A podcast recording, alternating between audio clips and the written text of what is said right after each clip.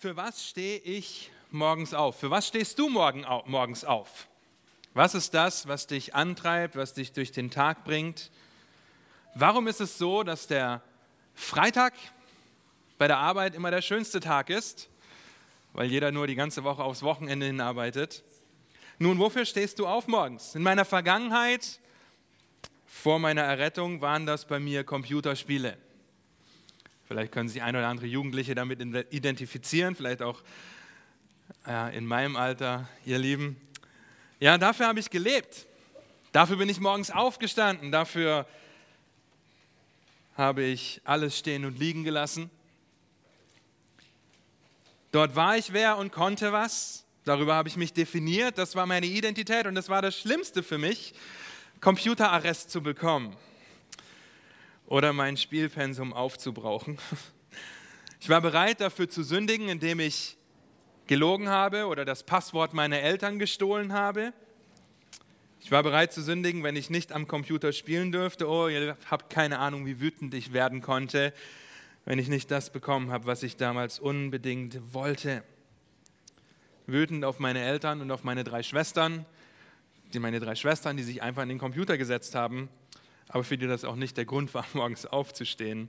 Und ich war bereit zu sündigen, wenn es mir genommen wurde. Wenn ihr mich ein bisschen kennt, dann wisst ihr, dass mein Vater Programmierer ist oder war. Er ist wahrscheinlich immer Programmierer. Das war für mich damals sehr faszinierend und frustrierend zugleich. Denn er konnte alles Mögliche programmieren und so auch, dass der Computer nach sieben Stunden einfach ausgeht. Was mir natürlich nicht gefallen hat in dieser Zeit, das heißt, ich hatte ein Pensum von sieben Stunden die Woche, durfte sie mir selber einteilen. Und das wurde samstags freigeschaltet und nach sieben Stunden ging der Computer aus am Samstag. Ihr Lieben, dafür bin ich morgens aufgestanden. Dafür war ich bereit zu nörgeln, zu murren, wütend zu sein. Das Spielen am Rechner war meine Welt. Die Erkennung, die Anerkennung der anderen Zocker oder die anwachsende Herausforderung, völlig realitätsfremd, ja, in dieser Welt zu sein. Dafür bin ich morgens aufgestanden. Das hat meine Gespräche und meine Gedanken bestimmt. Das hat mich durch den Schultag gebracht, der nicht produktiv war, da ich ständig über Taktiken, Strategien nachgedacht habe, die mir einen Vorteil im Spiel verschaffen würden und ich mich nicht in der Schule konzentriert habe und bei der Sache war. Und ihr Lieben, hätte Gott keine Gnade geschenkt, und mich gerettet. Wer weiß, wo ich heute stehen oder sitzen würde. Vielleicht wäre ich nicht mehr so viel am Computer, aber hätte andere Dinge, die mich antreiben, für die ich morgens aufstehe, die mich antreiben, den Tag zu überstehen. Und die Frage ist, wie sieht das bei dir aus? Was motiviert dich, morgens aufzustehen? Morgen ist Montag, morgen. Für die meisten der schlimmste Tag der Woche nach dem Wochenende. Nun, was motiviert dich aufzustehen? Was spornt dich an? Den Tag zu überstehen und wem dienst du? Wie würdest du auf diese Frage antworten? Wofür du lebst und worin du deine Identität suchst? Und wir haben vor einigen Wochen damit begonnen, uns diese Frage zu stellen, wer bin ich? Wir haben damit begonnen zu sehen, dass Gott uns als abhängige, verantwortliche Anbeter geschaffen hat, und dass du und ich, ob du gläubig bist oder nicht, dass du anbetest, dass du für etwas oder für jemanden lebst. Und für wen du lebst oder für was du lebst, das wird bestimmen, wem oder was du nachfolgst. Der Mensch ist ein Geschöpf Gottes, er ist im Bild Gottes, durch Gottes Wort und seinen Atem geschaffen und von Anfang an mit dem Auftrag versehen worden, Gott zu repräsentieren. Er ist im Bild Gottes geschaffen. Aber der Mensch hat sich gegen Gott aufgelehnt, hat gegen ihn rebelliert und die Auswirkungen, die Konsequenzen dessen spüren wir bis heute. Sünde ist in die Welt gekommen. Und so haben wir angeschaut, wer wir in Adam waren oder sind, wenn du nicht gläubig bist, und wer du in Christus bist oder nicht bist, wenn du gläubig bist. Sünde ist in die Welt gekommen. Wir leben in einer gefallenen Welt, die die Erlösung herbeisehnt. Wir sündigen selbst, das heißt, wir denken, sagen und tun alles, was nicht Gott, Gottes Maßstab entspricht, was Gott nicht gefällt und werden Gott nicht gerecht, wir sind geistlich tot, verfehlen das Ziel, verfehlen es, Gottes Repräsentanten zu sein, weil wir es, gelinde gesagt, verbockt haben. Wir sind alle entweder in Adam oder in Christus. In Adam unter dem Fluch der Sünde, in Christus unter dem Segen der Gnade. Und so habe ich dir die ernsthafte Frage gestellt, auf welcher Seite der Schlange du stehst, in Adam oder in Christus. Und wir haben uns angeschaut, was es bedeutet, in Christus gerechtfertigt zu sein. In Christus gerechtfertigt zu sein bedeutet, dass Christus für dich deine Sünde auf sich genommen hat, für dich zur Sünde gemacht wurde. Er hat die Konsequenz der Sünde getragen und war der einzige Mensch, der je wirklich von Gott verlassen war. Aber nicht nur das, in der Rechtfertigung wird uns auch die gesamte Gerechtigkeit Christi zugesprochen. Das Konto ist nicht nur auf Müll, auf Null, sondern über die Maßen mit der Gerechtigkeit Gottes erfüllt. Und wir schauen, ob das funktioniert. Diese drei Punkte haben wir uns auch letztes Mal angeschaut. Das heißt, durch deine Rechtfertigung in Christus vergibt Gott, der Richter, dir deine Schuld. Glaubst du das? Bist du davon überzeugt? Aber es wird noch besser. Wenn du dem Evangelium glaubst, dass Christus ein gerechtes Leben geführt hat, dass er ohne Sünde am Kreuz für Sünder gestorben ist und am dritten Tag auferstanden ist, dann wirst du nicht nur gerechtfertigt, sondern auch adoptiert zum Erbberechtigten Gottes. Wir haben uns das Erbe angeschaut und die damit verbundene Hoffnung. Das heißt, durch deine Adoption in Christus nimmt Gott, der Vater, dich als Kind an. Damit ist es immer noch nicht vorbei. Und wir haben gesehen, dass wir durch die Neuschöpfung in Christus in Gottes Dienst gestellt werden als König. Und das haben wir letztes Mal, letzte Woche betrachtet, dass es alles in einem Moment geschieht. Wir können das nicht trennen, wir können nicht darauf warten, dass wir jetzt vielleicht irgendwann mal adoptiert werden oder zu einer neuen Schöpfung werden. Das passiert alles in einem Augenblick. Und das gibt uns die Möglichkeit, Gott die Ehre zu geben, was wir vorher nicht konnten. Und wir erinnern uns, was es bedeutet, Gott die Ehre zu geben. Es bedeutet, seinen Ruhm zu verkündigen und den Wert dessen zu betonen, wer Gott ist und was er tut. Und das geht nur, wenn wir ein neues Geschöpf sind, freigekauft durch das kostbare Blut unseres Herrn Jesus Christus. Der Sünde gestorben, in Christus am Leben. Welch wunderbare Wahrheiten das doch sind, die uns vor Augen führen, wer wir in Christus sind. Wie das unser Leben verändert und wie es uns verändern sollte. Damit beschäftigen uns diese und nächste Woche. Und das, was wir bis jetzt betrachtet haben, das kann man auch Indikative nennen. Ein Indikativ stellt ein, die Tatsächlichkeit einer Begebenheit dar. Okay, das hört sich vielleicht komplizierter an, als es ist. Ein Indikativ stellt die Tatsächlichkeit einer Bege Begebenheit dar. Lass mich kurz erklären. Zum Beispiel sagen wir, mein Glas ist leer. Das ist ein Indikativ, eine Tatsache. Ja, bei manchen ist es vielleicht halb voll, bei anderen ist es halb leer. Bei manchen genau richtig. Aber mein Glas ist leer. Ein Indikativ, der impliziert, dass das Glas leer ist. Logisch.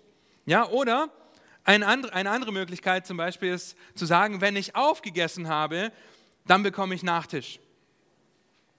Eine Tatsache, die impliziert wird. Ist ebenso also ist es, handelt es sich um die Tatsächlichkeit einer Begebenheit, wenn wir von einem Indikativ sprechen. Das ist wichtig zu verstehen, weil wir in Christus tatsächlich etwas sind. Es ist eine tatsächliche Begebenheit. Und ich lese euch nur ein paar Indikative vor, wer wir in Christus sind, die der Tatsache entsprechen. In Christus bist du heilig, gesegnet mit jedem Segen, auserwählt vor Grundlegung der Welt, heilig und tadellos, adoptiert, begnadigt, erlöst und vergeben, erleuchtet, ein Erbe und versiegelt. Zehn Punkte, wenn ihr die nicht mitgeschrieben habt, ist es nicht schlimm. Das sind zehn Punkte. Und wisst ihr, wo wir die alle finden? Alle diese zehn Punkte? Wer weiß das? Epheser Kapitel 1, richtig. Nur in Epheser Kapitel 1, diese zehn Punkte in Christus. Das sind tatsächliche Begebenheiten. Das ist nur ein Kapitel. Ja, das hat mich so umgehauen, als ich mich damit auseinandergesetzt habe, weil nur ein Kapitel gibt uns so viel Ansporn, ermutigt uns so sehr, auch für Christus zu leben. Und alleine, wenn wir durch die Indikative gehen würden, wir, was wir in Christus sind, würden wir die ganze Predigt damit verbringen. Schaut hier, Ihr könnt euch die Stellen schnell abschreiben. Knapp 200 Stellen, okay, im Neuen Testament, die uns aufzeigen, wer wir in Christus sind, in ihm, in dem Geliebten und so weiter. Das sollte uns ermutigen, es sollte uns aus den Socken hauen. Ja, so viele Stellen, ich werde das zur Verfügung stellen, ja, falls ihr euch da durcharbeiten wollt. Wir haben heute nicht die Zeit, uns all diese Stellen anzuschauen, wie ihr hoffentlich versteht. Ja, eine Liste, die ein Blogger erstellt hat, der sich die Mühe gemacht hat. Und hier ist noch nicht mal die Stellen, die das nur implizieren. Okay, da würden noch mal knapp 150 Stellen dazukommen. Ihr Lieben, wir können von Herzen jubeln, wenn wir diese Liste sehen können von Herzen jubeln und uns freuen und wirklich von, mit ganzer Kraft singen. In Christus ist mein ganzer Halt, er ist mein Heil, mein Licht, mein Lied. In Christus ist unser ganzer Halt. In Christus sind wir, wer wir sind. Das beinhaltet unsere Rechtfertigung, unsere Adoption und unsere Neuschöpfung. Lasst uns da wirklich drüber staunen. Lasst mich beten, bevor wir weitermachen, unseren großen Gott preisen und ihm auch unsere Zeit gemeinsam anbefehlen. Treuer Gott und Vater, Herr, du hast deinen Sohn gesandt auf diese Erde. Du hast ihn gegeben, damit wir gerechtfertigt werden können, adoptiert werden können und eine neue Schöpfung sind, die dich ehrt.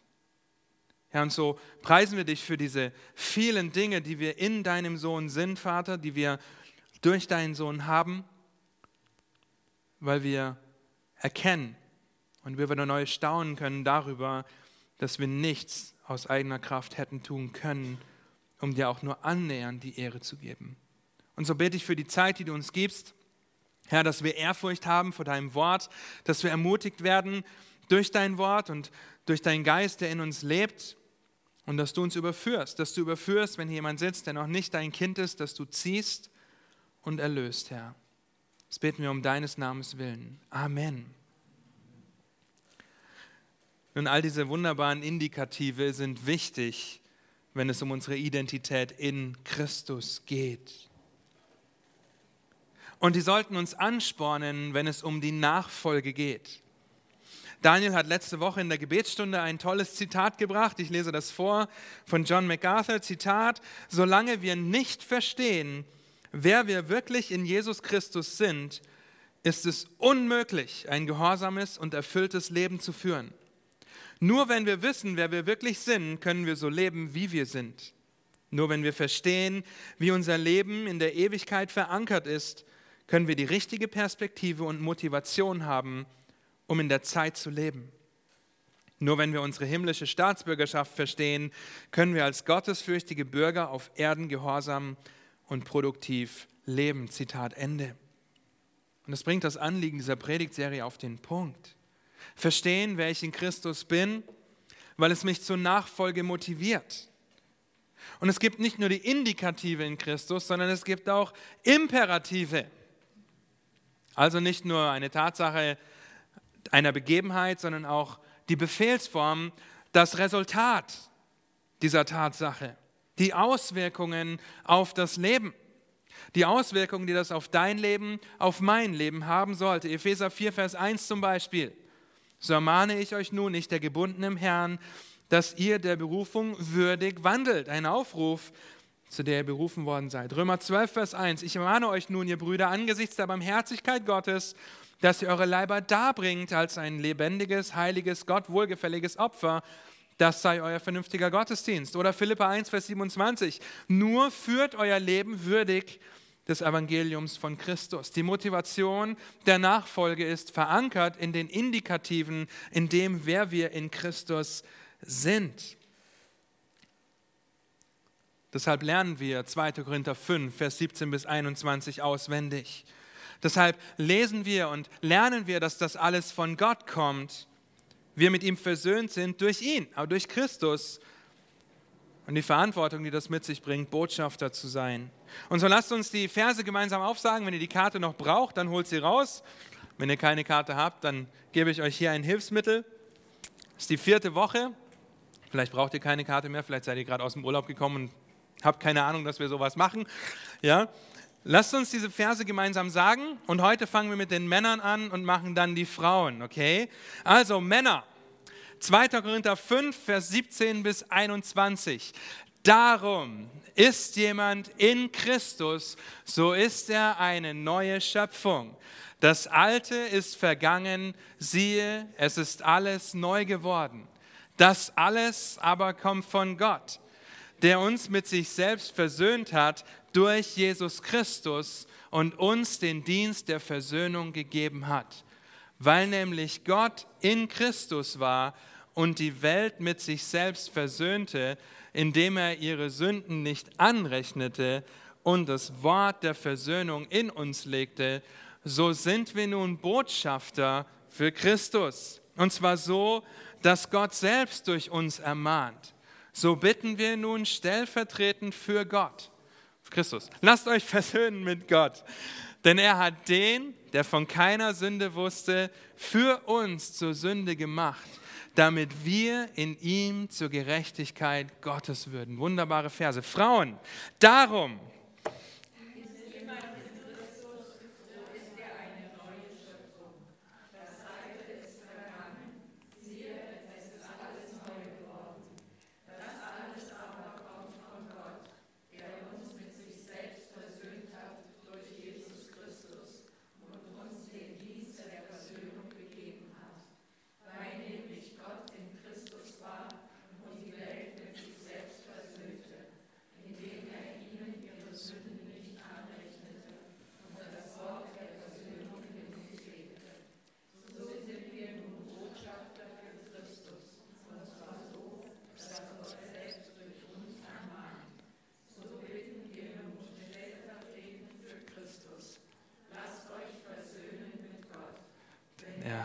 den, der von keiner Sünde wusste, für uns zur Sünde gemacht, damit wir in ihm der Gerechtigkeit Gottes würden.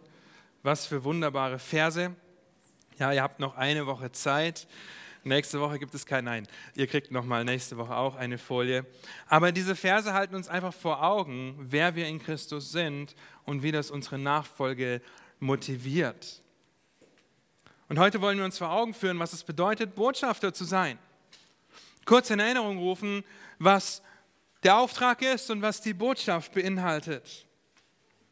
Jetzt haben wir gelernt, dass wir im Bild Gottes geschaffen sind und einen Auftrag von ihm bekommen haben, von Anfang an, die, über die Erde zu herrschen, sie untertan zu machen. 1. Mose 1, könnt ihr das nachlesen.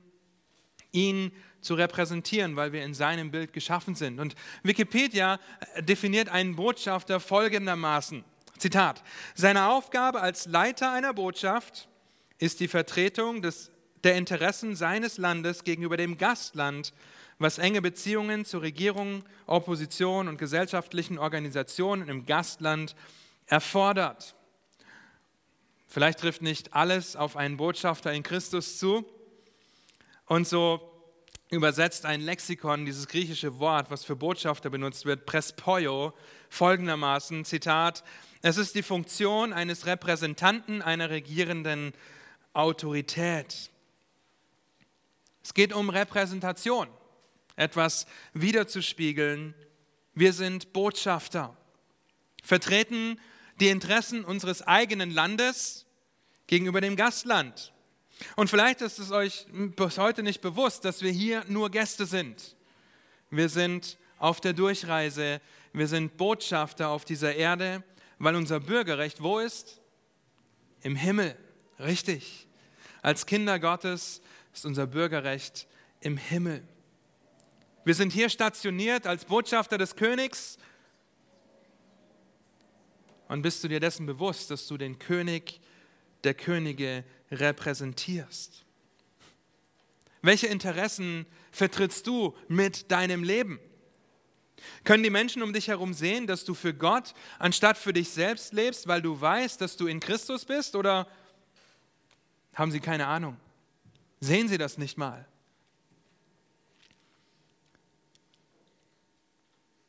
Wir sind diejenigen, die Gott als Werkzeug gebraucht, um den Menschen Gottes Wort zu verkündigen. Wir sind Repräsentanten, wir sind Botschafter. Und ein Botschafter repräsentiert sich nicht selbst. Falls euch das mal aufgefallen ist. Manche tun das vielleicht, aber in der Regel gute Botschafter repräsentieren ihren Präsidenten, ihren König, ihr Land. Dabei ist es auch wichtig, dass ein Botschafter nicht einfach repräsentiert, was er will, was er vielleicht meint, dass sein Land gut findet und machen kann, was er will.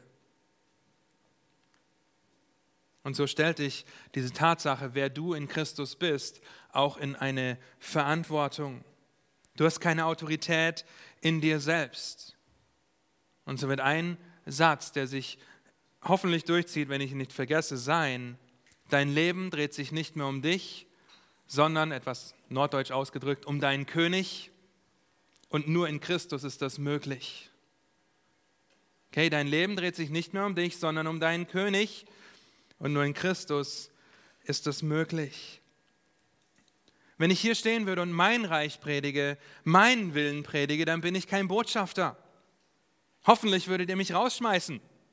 Mindestens meine Mitältesten. Hoffe ich.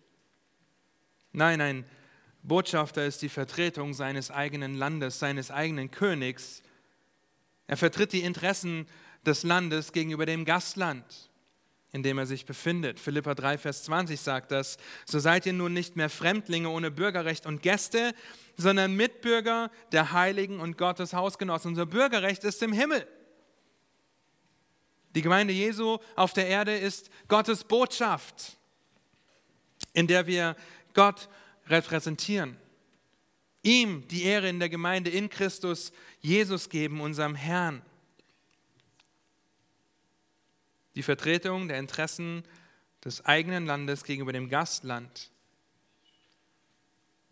Und Wikipedias Definition, was eine enge Beziehung und zu Regierung, Opposition und gesellschaftlichen Organisationen im Gastland erfordert, trifft nicht alles zu und dennoch sollen wir als Licht und als Salz auf dieser Erde sein. Weil wir den Auftrag haben, und damit sind wir bei dem zweiten Punkt, wir haben den Auftrag, Christus zu repräsentieren. Und als Botschafter haben wir den Auftrag, den unsichtbaren Gott sichtbar zu machen. Erinnert euch an den Auftrag, den Jesus seinen Jüngern gibt. Geht hin und macht sie Jünger alle Nationen und lehrt sie alles zu halten. Apostelgeschichte 1,8, geht, seid meine Zeugen, ihr werdet meine Zeugen sein. Ihr Lieben, wir sind diejenigen, die Gott als Werkzeug gebraucht, um anderen Menschen Gottes Wort zu verkündigen. Gott kann in der Schöpfung gesehen werden, in der generellen Offenbarung, wie wir das nennen, kann Gott erkannt werden. Aber nur durch seine spezielle Offenbarung, sein Wort, sehen wir auch seinen Erlösungsplan. Sehen wir den Auftrag, den wir haben, was wiederum bedeutet, dass wir eine Botschaft sind, die einen Vorgeschmack auf das gibt, was ein Leben in der Ewigkeit bei Gott erwartet. Und ihr Lieben, die Gemeinde Christi ist die einzige Möglichkeit, dass Gottes Wort verkündigt wird, weil es gibt nur eine Botschaft, es gibt nur einen Weg, der zum Himmel führt, der zum Vater führt. Wir sind die Einzigen, die diesen Vorgeschmack auf den Himmel verkündigen. In der Gemeinde zum Beispiel trachten Gottes Kinder danach, sich Gottes moralischem Willen unterzuordnen, den er in seinem Wort geoffenbart hat. Nicht deine Gefühle, nicht deine Erfahrungen, es ist Gottes Wort, das wir verkündigen. Das macht uns aus. Wir versuchen, gehorsame Kinder Gottes zu sein und uns als Werkzeuge der Gerechtigkeit für Gott hinzugeben, weil wir dadurch unsere Liebe zu dem zum Ausdruck bringen, der uns zuerst geliebt hat, der uns zu seinen Kindern gemacht hat. In der Gemeinde streben wir auch danach, Gott zu erheben. Deswegen singen wir zusammen. Deswegen beten wir ihn an, deswegen hören wir auf sein Wort. Es geht immer um die Ehre Christi, um die Ehre Gottes des Vaters in Christus. Ihn anzubeten als Gemeinschaft am Sonntag und als ein lebendiges Opfer von Montag bis Sonntag. Also 24 Stunden am Tag, sieben Tage die Woche, 30 oder 31 Tage im Monat. Lieben, Anbetung wird uns auszeichnen. Und wenn du heute kein Leben der Anbetung führst, ja, die ganze Ewigkeit wird aus Anbetung bestehen. In Ewigkeit werden wir Jesus, das Lamm, besingen. Ihr erinnert euch vielleicht an Jesaja Kapitel 6, wo die Cherubim singen: Heilig, heilig, heilig. Die tun das mit einer so lauten Stimme, dass der Thronsaal erbebt. Und das wird in alle Ewigkeit stattfinden, dass wir Gott anbeten werden. Und das zeichnet uns aus, weil wir das jetzt schon tun können. Durch Gottes Gnade können wir ihn anbeten. In der Gemeinde erhaschen wir auch einen Blick in die Heiligkeit und Reinheit des Himmels. Oh, ja, das ist vielleicht nicht in seiner Perfektion möglich, weil wir alle noch sündigen. Ihr alle wisst das. Nicht jede Beziehung innerhalb der Gemeinde ist perfekt, aber das Streben nach Heiligkeit, worüber wir nächste Woche noch sprechen, und auch nach dem, dass wir Gottes Wort tun wollen, gibt es einen Vorgeschmack auf das, was wir in Christus eines Tages erben werden. Als Gemeinde sind wir die Einzigen, die Einzigen, die Sünde ab und Gerechtigkeit anlegen können. Durch die Kraft Christi, durch den Heiligen Geist, der uns versiegelt ist, der das beginnt, wird es auch vollenden in uns.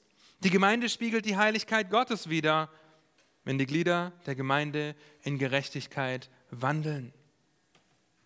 In der Gemeinde genießen Gottes Kinder Gemeinschaft. Ich hoffe das zumindest, dass ihr gerne hier seid und im Gottesdienst den die Gemeinschaft genießt. Wir wissen auch, dass die Gemeinde nicht dieser Ort ist, sondern dass wir die Gemeinde sind. Nun, und auch das ist ein Vorgeschmack auf die perfekte Gemeinschaft in Ewigkeit. Nur dass in der Ewigkeit, wenn wir unser Bürgerrecht dann auch einlösen und uns nicht nur daran erinnern müssen und anspornen müssen, sondern auch dort wohnen werden, dass es dann perfekt sein wird. Keine Beziehung, die kaputt ist, kein ja, Gerede übereinander, keine Sünde im Spiel, sondern perfekte Gemeinschaft. Aber das können wir hier schon widerspiegeln, wenn wir Gottes Wort annehmen. Unser Auftrag ist es, Gott zu repräsentieren, seine Botschafter zu sein. Und wenn wir all diese Punkte gehört haben, wo findest du dich wieder? Strebst du danach, dich hier dran auszurichten an Gottes Wort? Oder ist es dir relativ egal und vielleicht genießt du auch einfach nur die Gemeinschaft? Ihr Lieben, unser Auftrag ist es, ein Botschafter zu sein, ein, ein Vorgeschmack auf den Himmel zu geben, der unsere Heimat ist. 1. Korinther 13, Vers 12. Da heißt es, denn wir sehen jetzt mittels eines Spiegels, dann aber von Angesicht zu Angesicht. Lieben, wir sind das, was Gottes Wort vor Augen hält. Stückchenweise aber werde ich erkennen, gleich wie ich erkannt bin. Wenn wir die Ewigkeit und Himmelsperspektive haben, ist es eine Freude für jeden Gläubigen, ein Botschafter zu sein. Lieben, wenn du die Ewigkeitsperspektive hast, dann bist du gerne ein Botschafter, auch im schlimmsten Leid, weil du weißt, was dich erwartest. Nun, was ist die Botschaft? Sie ist einfach. So sind wir nun Botschafter für Christus und zwar so, dass Gott selbst durch uns ermahnt. So bitten wir nun stellvertretend für Christus, lasst euch versöhnen mit Gott. Lasst euch versöhnen mit Gott. Die Versöhnung mit Gott, die sich im Evangelium wiederfindet, die im Evangelium ihre Bedeutung findet. Ihr Lieben, in Epheser Kapitel 6 schreibt Paulus, dass die Geschwister in Ephesus für ihn beten sollen. Ab Vers 19 schreibt er, auch für mich, damit mir das Wort gegeben werde, so oft ich meinen Mund auftue, freimütig das Geheimnis des Evangeliums bekannt zu machen, für das ich ein Botschafter in Ketten bin, damit ich darin freimütig rede, wie ich reden soll. Das Evangelium ist die Botschaft. Und das Evangelium schreit mit lauter Stimme, lass dich versöhnen mit Gott. Und es macht unmissverständlich deutlich, wie das möglich ist. Katalasso ist dieses Wort, das mit Versöhnung übersetzt wird. Und es bedeutet so viel wie zurechtbringen oder Dinge gerade biegen, zu Freunden werden. Lieben, es kommt sechsmal im Neuen Testament vor. Dreimal davon in den Versen, die wir auswendig lernen. Einmal im ersten Korintherbrief und zweimal in Römer 5, Vers 10, wo Paulus schreibt, denn wenn wir mit Gott versöhnt worden sind durch den Tod seines Sohnes, als wir noch Feinde waren, wie viel mehr werden wir als Versöhnte gerettet werden durch sein Leben. Jesus Christus ist der Versöhner. Er ist derjenige, der sich selbst für uns hingegeben hat, um uns von aller Gesetzlosigkeit zu erlösen, um für sich selbst ein Volk zum besonderen Eigentum zu reinigen, das eifrig ist, gute Werke zu tun. Jesus hat sich hingegeben. Ich hoffe, du verstehst und du glaubst das. Vielleicht sitzt du heute aber auch hier und denkst, okay, es reicht, wenn ich ein Gutmensch bin, der mehr Gutes als Schlechtes tut. Wobei die Frage ist, wer das definiert. Ein Mensch, der viel gibt, der viel spendet, der sich vielleicht selbst einschränkt. Vielleicht bist du ein Mensch, eine Person, die aus eigener Kraft versucht, Gott zu gefallen. Vielleicht bist du heute hier, weil deine Eltern sagen, du kommst mit in die Gemeinde. Es sitzen einige Kinder und Jugendliche hier. Vielleicht kommst du auch in die Gemeinde, weil du irgendjemandem einen Gefallen tun willst oder weil du von beiden Welten in Anführungsstrichen das Beste haben möchtest und es ganz nett findest, einen guten moralischen Standard zu hören und auch zu haben, der vielleicht meinem Leben ein bisschen hilft. Nun, wenn das der Fall ist, dann flehe ich dich an als Botschafter, lass dich versöhnen mit Gott. Du kannst nicht aus eigener Kraft irgendetwas ausrichten, was deine Ewigkeit verändert. Unmöglich. Du kannst nicht, wenn du als Kind oder Jugendlicher hier sitzt deine Eltern sagen, komm mit in die Gemeinde, denken, ja, meine Eltern sind gläubig, ich sage Opa zu Gott. Unmöglich, das habe ich jahrelang gedacht. Lass dich versöhnen mit Gott. Und diese Versöhnung kommt von Gott. Das alles aber kommt von Gott, der uns mit sich selbst versöhnt hat durch Jesus Christus. Und so lass mich ganz deutlich sein weil das die Botschaft ist, die wir verkündigen und die wir verkündigen müssen. Wenn du hier sitzt und nicht mit Gott versöhnt bist, deine Knie nicht vor Gott gebeugt hast, dann bist du ein Feind, bist du ein Gegner Gottes, der das Gericht und den Sieg seines Richters und Königs spüren wird. Vielleicht nicht hier, vielleicht geht es dir relativ gut, aber in der Ewigkeit. Die Ewigkeit getrennt von Gott. Kein schönes Wetter, kein, keine allgemeine Gnade, dass wir die Natur, die Schöpfung genießen können, in der Gott sich offenbart, sondern die Hölle, getrennt von Gott.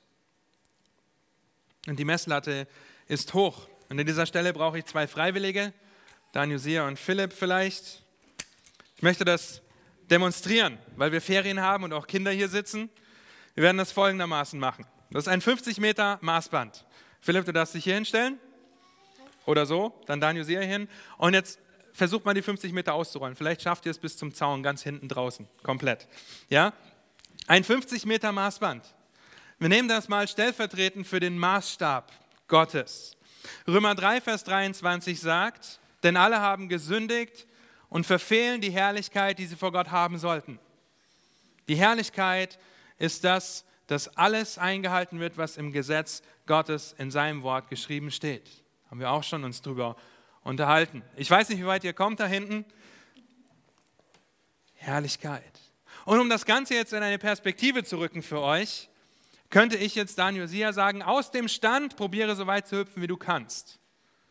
Aber ich habe was Besseres für euch. Ein Lego-Männchen für die, die das nicht erkennen. Das stelle ich jetzt einfach hier hin und sage ihm, spring soweit du kannst, du kannst so viel Anlauf nehmen, wie du willst. Spring soweit du kannst, aber nur wenn du bei den 50 Metern bist. Wenn ihr fertig seid, dann könnt ihr euch einfach wieder hinsetzen. Wir lassen es da liegen. Nur wenn du wieder bei den, nur wenn du bei den 50 Metern ankommst, hast du den Maßstab Gottes erfüllt. Wie weit sind wir draußen? Bestimmt weit. Wir sind hinterm Zaun wahrscheinlich. Ja? Ihr Lieben, das wäre der Vergleich. Aber wisst ihr, wenn, Daniel, sehr vielen Dank. Ja, wisst ihr, wenn ich jetzt sage, diesem Lego-Männchen sagen würde, das da ganz klein, einsam und verlassen steht, spring so weit du kannst, wisst ihr, was das Lego-Männchen machen würde? Nichts. Weil es geistlich tot ist, weil es kein Verlangen hat, den Maßstab Gottes zu erfüllen, weil es nicht mal die Anstrengung machen würde, ja, das zu tun. Und ein Paulus, der von sich sagt, ich war ein Eiferer für Gott, aber ich achte das alles für Mist, für Dreck, der hat verstanden, dass du aus eigener Kraft nicht zu Gott kommen kannst. Wir könnten jetzt hier Vergleiche ziehen. Ich habe das mal umgerechnet. Der Weitsprung-Weltrekord liegt bei 8,90 Meter. Umgerechnet auf dieses Logomännchen wären das 20 Zentimeter. Das ist, sind keine 50 Meter. Ein Lego-Männchen, dieses Männchen würde nichts dafür tun, auch nur ansatzweise Gott gerecht zu werden. Es würde nicht mal ansatzweise den Maßstab erreichen, es sei denn, ich komme, nehme dieses Männchen und bringe es an die 50 Meter Grenze. Ich sage nicht, dass ich Christus bin, aber das wäre das Bild. Okay? Christus hat das alles erfüllt.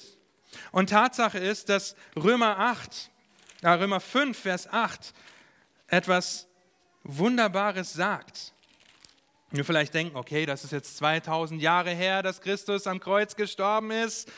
Das gilt auch nicht mehr für heute. Römer 5, Vers 8, da heißt es, Gott aber erweist seine Liebe zu uns darin, dass Christus, als wir noch Sünder waren, für uns gestorben ist.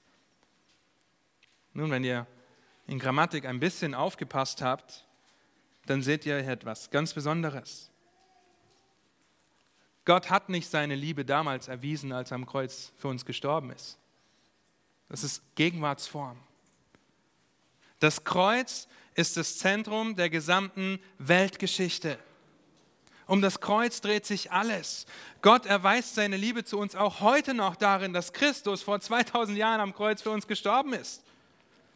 Vers 9 heißt es, vielmehr nun, da wir jetzt, jetzt, okay, nicht damals, vor 2000 Jahren, durch sein Blut gerechtfertigt sind, werden wir durch ihn vom Zorn errettet werden. Denn wenn wir als Feinde, denn wenn wir, als wir Feinde waren, mit Gott versöhnt wurden durch den Tod seines Sohnes, so werden wir vielmehr, da wir versöhnt sind, durch sein Leben gerettet werden. Ihr Lieben, Christus versöhnt uns mit Gott. Deshalb rufen wir, lass dich versöhnen mit Gott.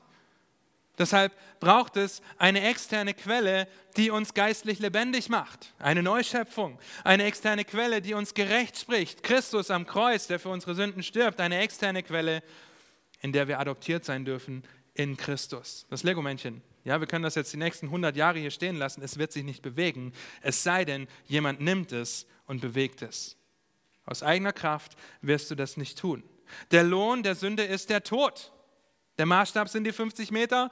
Alles, was darunter ist, ist der ewige Tod, die Gnadengabe Gottes, aber das ewige Leben in Jesus Christus.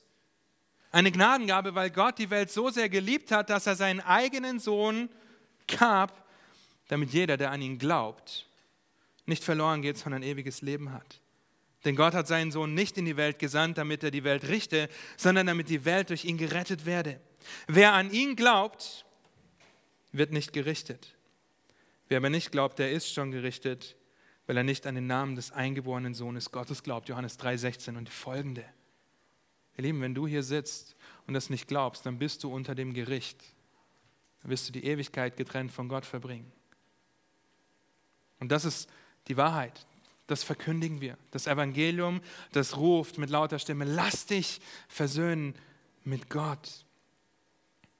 Und auf diese Idee würde kein Mensch kommen, dass ich nicht aus eigener Kraft irgendetwas erreichen kann. Kein Mensch würde auf die Idee kommen, weil wir von Natur aus Feinde der Gnade sind. Wir sind Feinde dessen, was Gott sagt. Und deshalb ist es eine Gnadengabe, die wir annehmen. Es ist nur durch Glauben an Jesus Christus möglich, dass du, dass ich dass wir im Licht Gottes gesehen werden, im Licht Christi gesehen werden und diesen Maßstab dadurch erfüllen. Nicht, weil du so toll bist, nicht, weil du hier bist, weil deine Eltern wollen, dass du kommst, nicht, weil du nie irgendwas Böses getan hast, könnten wir darüber diskutieren ohne Ende. Nein, weil Gott dir seine Gerechtigkeit zuspricht in Christus, weil Gott dich zu seinem Kind macht. Das alles aber kommt von Gott, nicht von uns weil Gott uns versiegelt hat, weil Gott das vollenden wird, was er angefangen hat. Ihr Lieben, als Gottes Feind geboren, wir singen das manchmal, entfernt von seinem Heil. Und dann doch jetzt vereint durch Jesu Tod am Kreuz, sind wir die einst ganz fern und nun nahegebracht zu Gottes Gegenwart. Das alles kommt von Gott. Er hat uns mit sich selbst versöhnt. Er hat uns zu Freunden gemacht. Er hat uns geistlich lebendig gemacht. Das alles kommt von Gott. 1. Thessalonicher 2, Abvers 3 schreibt Paulus folgendes. Denn unsere Verkündigung entspringt nicht dem Irrtum noch unlauteren Absichten, noch geschieht sie in listigem Betrug sondern so, wie wir vor Gott für tauglich befunden wurden, mit dem Evangelium betraut zu werden, so reden wir auch. Nicht als solche, die den Menschen gefallen wollen, sondern Gott, der unsere Herzen prüft. Denn wir sind nie mit Schmeichelworten gekommen, wie ihr wisst, noch mit verblümter Habsucht. Gott ist Zeuge. Wir haben auch nicht Ehre von Menschen gesucht, weder von euch noch von anderen, obgleich wir als Apostel des Christus würdevoll hätten auftreten können. Ihr Lieben, es ist mir egal, was du nach dieser Predigt von mir hältst. Wenn du das nicht glaubst und denkst, das ist zu krass, was Sam da sagt. Ohne Schmeichelworte. Wenn du Christus nicht glaubst, wenn du das Gnadengeschenk nicht annimmst, dann gehst du in die Hölle, in eine Ewigkeit getrennt von Gott, weil der Lohn der Sünde der Tod ist, der ewige Tod. Wenn du allerdings Christus glaubst, das Gnadengeschenk annimmst, dann wirst du gerechtfertigt und adoptiert und eine Neuschöpfung sein und bist ein gerechtfertigtes Gotteskind, das dem König jetzt und in alle Ewigkeit die Ehre gibt. Lass dich versöhnen mit Gott. Lass dich versöhnen mit Gott. Nun, wie wenden wir das an? Wenn wir Botschafter sind? Wie werde ich zu einem Botschafter für Christus, wenn ich diese Wahrheiten für mich in Anspruch nehme? Ich sage, ja, ich bin Gottes Kind, ich bin Gottes Botschafter und jetzt, was, was jetzt? Ich möchte euch mal durch vier Anwendungen betrachten, die euch ermutigen sollen, Botschafter zu sein, gute Botschafter zu sein, gute Zeugen von dem zu sein, was Gott in Christus für uns getan hat. Erstens, lies die Evangelien und lies sie häufig. Christus war auf dieser Erde und ihr lieben Christus war kein Botschafter, er war der König. Okay, er war der König oder ist der König der Könige, der auf diese Erde kam, sich erniedrigt hat um am Kreuz für uns zu sterben. Philippa 2 ab Vers 6 schreibt es folgendermaßen. Der, äh, Jesus Christus, als er in der Gestalt Gottes war, es nicht wie ein Raub festhielt, Gott gleich zu sein, sondern er entäußerte sich selbst, nahm die Gestalt eines Knechtes an und wurde wie die Menschen. Und in seiner äußeren Erscheinung als ein Mensch erfunden, erniedrigte er sich selbst und wurde gehorsam bis zum Tod. Ja, bis zum Tod am Kreuz. Jesus ist Gott, kommt auf diese Erde, von wem soll's, sonst sollten wir lernen, was es heißt, Botschafter zu sein, wenn nicht von dem, für den wir Botschafter sind? Lies die Evangelien. Schau dir an, wie Jesus gepredigt hat, wie er ermahnt hat, wie er ermutigt hat, wie er zur Buße aufgefordert hat, wie er sich aufgeopfert und hingegeben hat. Dennoch in völliger Abhängigkeit zu seinem Vater. Philippa 2, Vers 6 hat ein paar Verse davor. Besonders Vers 5 ist wichtig heißt es, denn ihr sollt so gesinnt sein, wie Christus Jesus es auch war. Wir sollen so denken wie Jesus, wir sollen so handeln und uns so hingeben wie Christus. Wie kannst du so denken wie Christus, wenn du nicht das Leben Jesu betrachtest?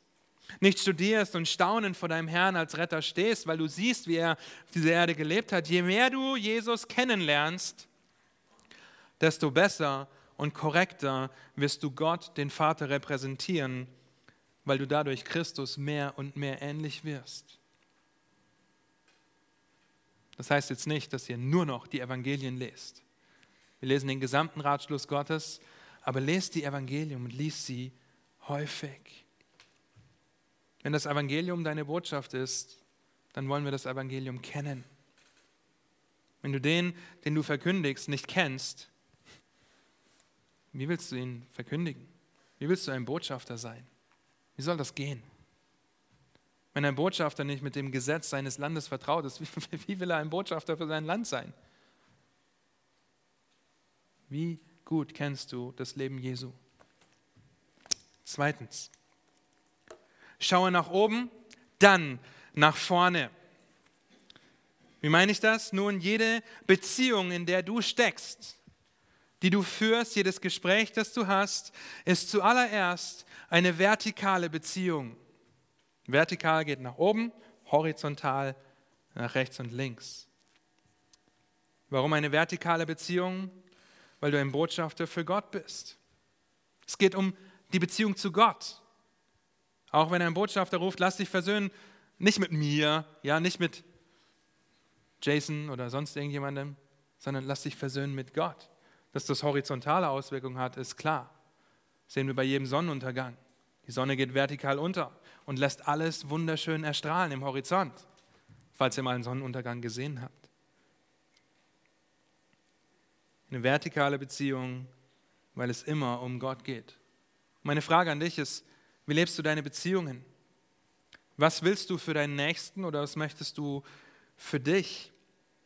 Und dann ist es mir egal, ob es dein Kind ist, dein Arbeitskollege, dein WG-Mitbewohner oder sonst jemand, gläubig oder nicht gläubig. Deine Beziehungen sind immer erst vertikal, bevor sie horizontal sind.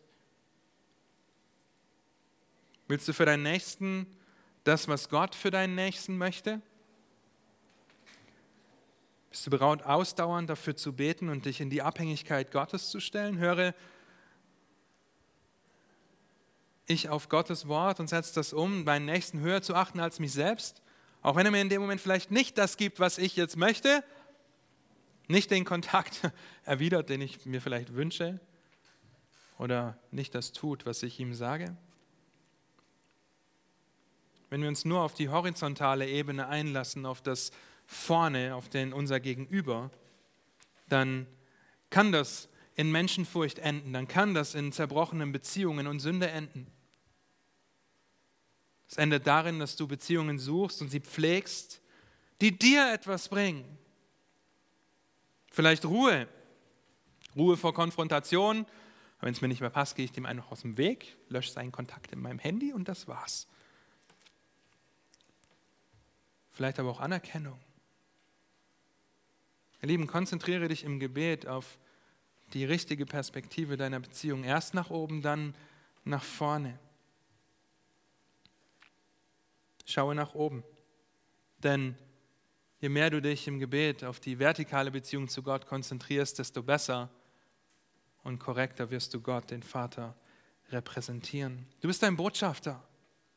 Ein Botschafter nicht für dich, sondern für den König. Und nur in Christus ist das möglich.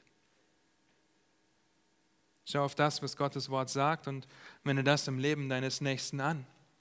Drittens, Betrachte dich im richtigen Licht. Wer bist du? Wer bist du? Geschaffen in Abhängigkeit, mit Verantwortung als Anbeter. Lebst du in einer gefallenen Welt? Hast es nicht mal ansatzweise verdient, gerecht vor Gott zu stehen? Uns geht es auf dieser Ewigkeit immer, immer besser, als wir verdienen hätten. Egal in welcher Situation du dich befindest.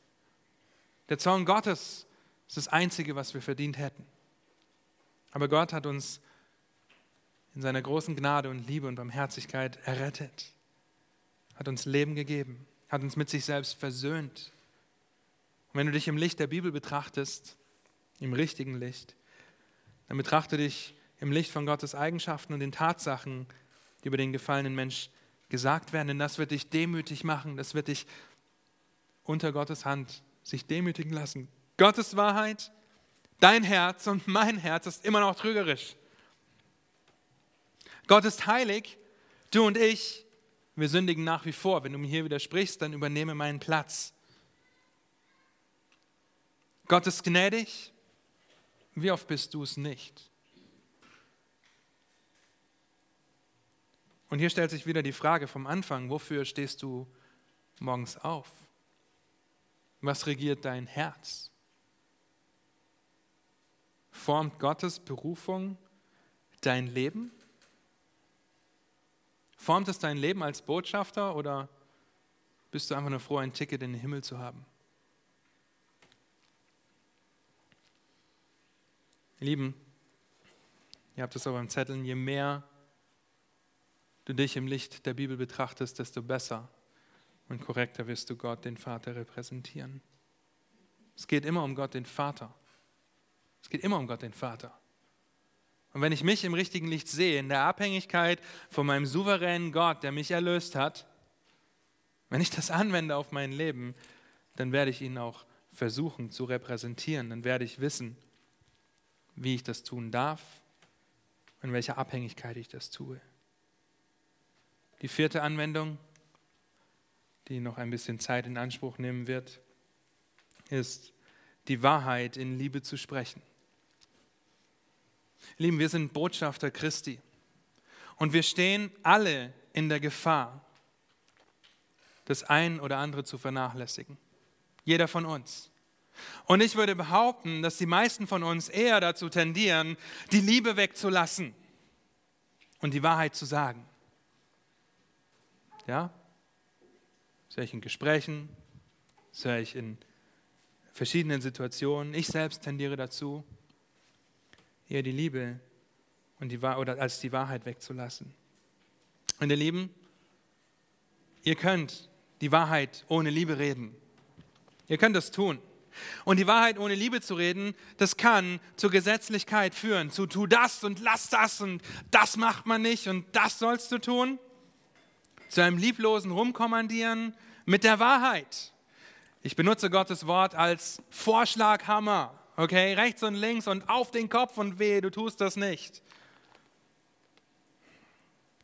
Ihr lieben, unzählige Kinder haben sich vom Glauben abgewandt, weil ihre Eltern nur die Wahrheit gesprochen haben, nur Gesetze und nur Punkte, das darfst du das nicht, aufgestellt haben. Weil ihre Eltern lieblose Tyrannen waren, sehr hart gesagt, die mit der Schrift erzogen haben, mit der Wahrheit, aber nicht in Liebe. Auf der anderen Seite kannst du einfach nur Liebe zeigen. Oh, alles ist schön und alles ist super. Wobei unsere verdrehte Wahrnehmung von Liebe so verkorkst ist, dass die Sünde toleriert, Kinder nicht in ihre Schranken gewiesen werden und es okay ist, weil Liebe deckt ja eine Menge von Sünden einfach zu. Ihr Lieben, unzählige Kinder haben sich vom Glauben abgewandt, weil ihre Eltern jede Sünde toleriert haben und wie Heuchler dastehen, die behaupten zu glauben, aber doch die Wahrheit nicht verkündigen. Also gib dich nicht der Illusion hin, dass das eine besser ist als das andere. Es sind zwei Seiten einer Medaille. Die Wahrheit in Liebe reden. Vor allem als Botschafter zu Ungläubigen. Oh, die macht nicht den Fehler, lieblos die Wahrheit zu sagen oder liebevoll die Lüge zu leben. Es kommt von dir der Einwand, die Wahrheit muss doch klar verkündigt werden. Ja und Amen dazu. Im Alten und Neuen Testament werden noch harte Worte gesprochen, Worte wie Schlangenbrut oder wie das Maul stopfen. Titus 2, ne, Titus 1 könnt ihr lesen. Die Wahrheit muss doch verkündigt werden, mit der Wahrheit muss ich doch Mäuler stopfen. Ja und Amen. Aber die drei wichtigsten Prinzipien der Schriftauslegung, Wer weiß sie? Kontext, Kontext, Kontext. Diese harten Worte der Wahrheit, diese Schlangenbrutworte, diese Maulverstopfen Worte sind an falsche Lehrer gerichtet, an Menschen, die religiös danach streben, durch ihre eigenen Standards und Gesetze sich selbst und andere Menschen zu verblenden und zu verführen. Nicht das Evangelium zu verkündigen. Da müssen wir harte Worte sprechen. Es gibt Leute, die haben bei uns in der Gemeinde Hausverbot genau deshalb. Wir müssen harte und klare Worte sprechen. Aber wenn es um Ungläubige geht, die das Evangelium brauchen, die es hören müssen, dann spricht Paulus in 1. Thessalonicher 2 ab Vers 7 noch weiter. 1 bis 6 haben wir gelesen, das Geheimnis des Evangeliums, mit dem sie betraut sind. Und dann geht es weiter ab Vers 7.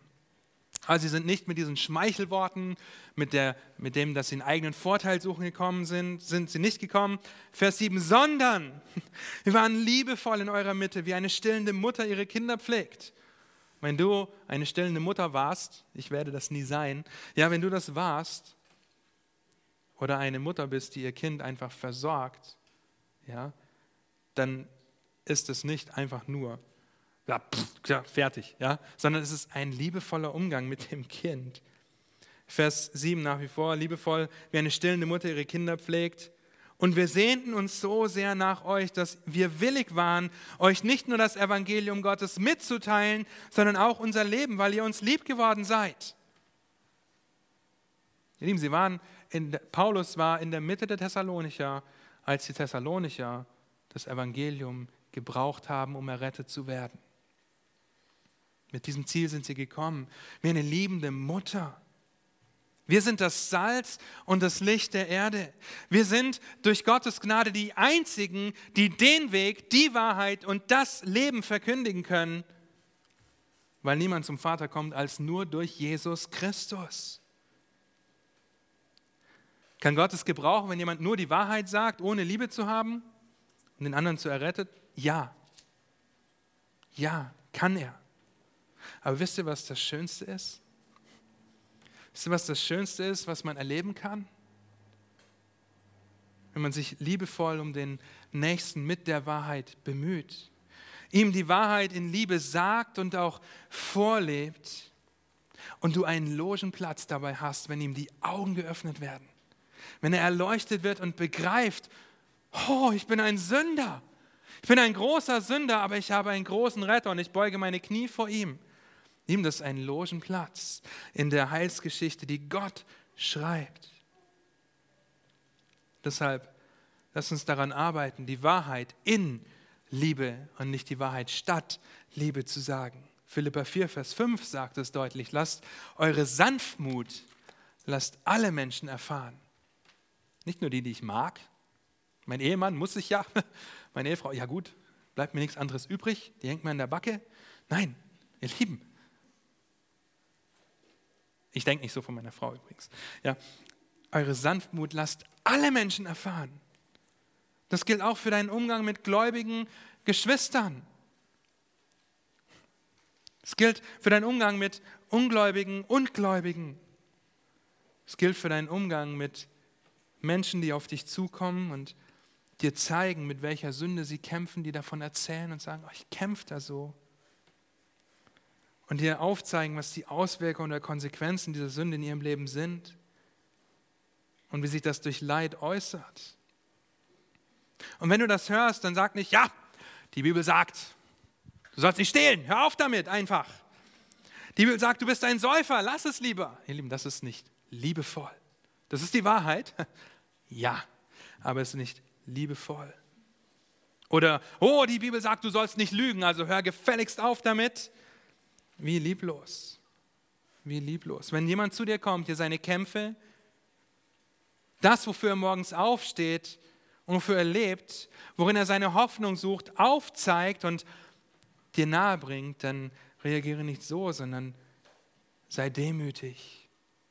Bringe deine Dankbarkeit, bringe deine Freude zum Ausdruck, weil er dir so sehr vertraut, dass er bereit ist, sein Herz für dich zu öffnen und du die Möglichkeit bekommst, die Wahrheit in Liebe zu präsentieren. Einige von euch haben Kinder, ich habe selber zwei. Und wie oft tendiere ich in meiner Erziehung dazu, einfach nur die Wahrheit zu sagen. Ich will, dass du gehorsam bist du bist es nicht, da, da, da, da, da, da. Ja, das bin ich. Anstatt wirklich runterzugehen, auf die Knie zu gehen, Anna zu mir zu holen, ihr in die Augen zu schauen und sagen, Anna, Anna, Gottes Wort sagt, du sollst deinen Eltern gehorsam sein. Und du warst es nicht und ich habe dich so lieb, ich wünsche mir das so für dich. Ich wünsche mir so, dass du erkennst, dass der Lohn der Sünde der Tod ist, die Gnadengabe Gottes aber das ewige Leben. Und Sünde hat Konsequenzen. Und die Konsequenz für dich ist, dass du keinen Nachtisch bekommst. Die Tränen mögen da sein, mögen groß sein, mögen viele sein. Aber es ist ein Unterschied, wenn ich sage, Anna, nein, du bekommst das nicht, ja, weil du das und das und das gemacht hast, sondern ich gehe runter. Ich versuche die Wahrheit in Liebe zu sagen. Ihr Lieben, gelingt uns das immer? Nicht solange wir in einer gefallenen Welt leben, in der wir unsere Sünde noch mit uns rumschleppen. Aber gelingt uns das? Ja. Wisst ihr warum? Weil wir in Christus sind. Weil wir in Christus sind und seine Botschafter dadurch sind. Berufen sind, seine Botschafter zu sein. Wenn jemand zu dir kommt und seine Sünde offenbart, du teilhaben darfst an seinen Kämpfen, dann sei ein liebevoller Botschafter, der nicht wegtreibt von diesem Wort Gottes, sondern der hintreibt zum Wort Gottes. Der dort hinführt und hintreibt und sagt, Gottes Wort sagt. Und Gottes Wort sagt, Gott hat die Welt so sehr geliebt. Und wisst ihr, was Gottes Wort noch sagt? Gott aber beweist seine Liebe zu uns darin, Gegenwart übrigens nochmal, dass er seinen Sohn gab. Wann? Als wir noch, was waren? Sünder waren, okay? Als wir noch Sünder waren, gab Gott seinen Sohn. Nicht, oh, Sam, der, der macht es schon ganz gut, für den sterbe ich mal am Kreuz. Nein, gar keine Möglichkeit. Ihr könnt die Verse davor lesen, wir waren kraftlos, wir waren gottlos. Keine Möglichkeit. Bringe deine Freude und deinen Dank für das dir entgegengebrachte Vertrauen zum Ausdruck. Hilf dem anderen als Botschafter Christi, die Wahrheit in Liebe zu erkennen und zu sehen. Und übrigens, Jesus hat mit der Ehebrecherin am Jakobsbrunnen, mit der Frau am Jakobsbrunnen, mit Nikodemus und mit vielen anderen nicht so gesprochen wie mit den Schriftgelehrten und Pharisäern, falls euch das mal aufgefallen ist.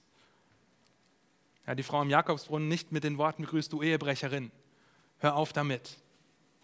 Ja, was fällt dir eigentlich ein? Nein, liebevoll die Wahrheit gesagt. Hilf deinem Gegenüber liebevoll als Botschafter mit der Wahrheit das Evangelium zum ersten Mal zu sehen oder die Kraft des Evangeliums zu sehen, die in seinem Leben wirkt, weil er schon ein Kind Gottes ist. Das gibt uns Hoffnung.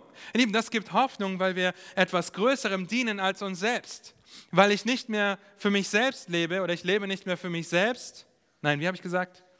Mein Leben ich lebe nicht mehr für mich jetzt, ja, sondern für meinen König und in Christus ist das möglich.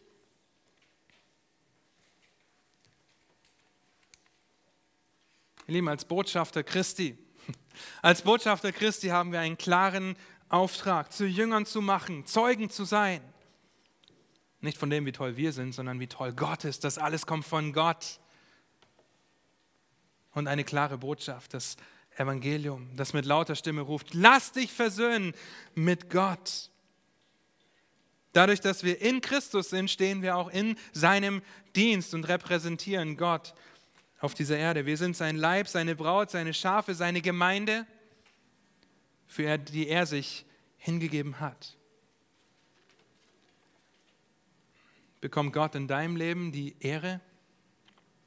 Verkündigst du seinen Ruhm, indem du den Wert dessen hochhältst und verkündigst, wer er ist und was er tut? Verkündigst du ihn durch Wort und durch Tat? Bist du ein Botschafter? Was sagen deine Arbeitskollegen über dich? Wie reagierst du, wenn du aufgefordert wirst zu sündigen?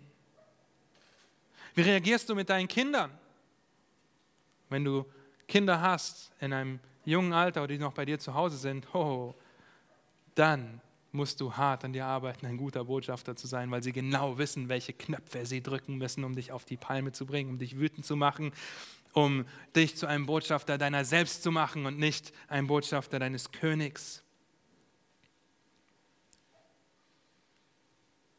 Wie kommen wir dahin, gute Botschafter zu sein? Lies die Evangelien häufig. Schau dir an, wie der König gelebt hat. Schau nach oben, dann nach vorne, mach dich im Gebet abhängig von Gott. Betrachte dich im richtigen Licht der Schrift und sprich die Wahrheit in Liebe. Dein Leben dreht sich nicht um dich, sondern dein König. In Christus allein ist das möglich. Amen. Lass mich noch beten. Oh, treuer Gott und Vater, wenn wir vor dich kommen, in unsere Knie beugen, unsere Hände heben oder unsere Häupter senken, dann können wir nur anerkennen, dass du der König der Könige bist, dass du der Gott bist, der sich in seinem Wort offenbart, dass du der Gott bist, der eine verlorene Menschheit nicht sich selbst überlässt, sondern dass du besonders auch denen nahe bist, die gebrochenen Herzen sind, wie dein Wort sagt.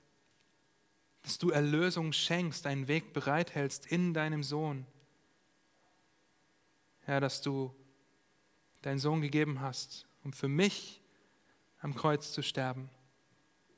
Für jeden zu sterben, der glaubt. Und so bete ich, dass du Gnade schenkst zur Versöhnung, wenn jemand sitzt, der mit dir noch nicht versöhnt ist, der all das gehört hat, der ein Evangelium gehört hat, dass du dich erbarmst, dass du ihn errettest, dass er seine Knie beugt vor dir, er Buße tut und dein Versöhnungswerk annimmt. Ich bete aber auch für uns, dass wir in der kommenden Woche ganz oft daran denken, dass wir deine Botschafter sind. Dass ich nicht mehr für mich lebe, sondern für dich, der du mein König bist. Und dass ich mir vor Augen führe, dass das nur in dir möglich ist. Herr Jesus Christus, nur in dir ist es möglich, zu dir zu kommen, für dich zu leben, uns als ein Werkzeug der Gerechtigkeit hinzugeben, als ein dir wohlgefälliges Opfer, weil du, Herr Jesus Christus, all das für uns am Kreuz erwirkt hast. Ja, und das sollte uns anspornen, in der nächsten Woche deine Botschafter zu sein, die dich ehren, die dich verherrlichen, die deinen Ruhm verkündigen und dein Evangelium, das mit lauter Stimme schreit, lass dich versöhnen mit Gott. So bete ich, dass du uns gebrauchst als deine Werkzeuge, als deine Botschafter und als deine Zeugen, Herr. Amen.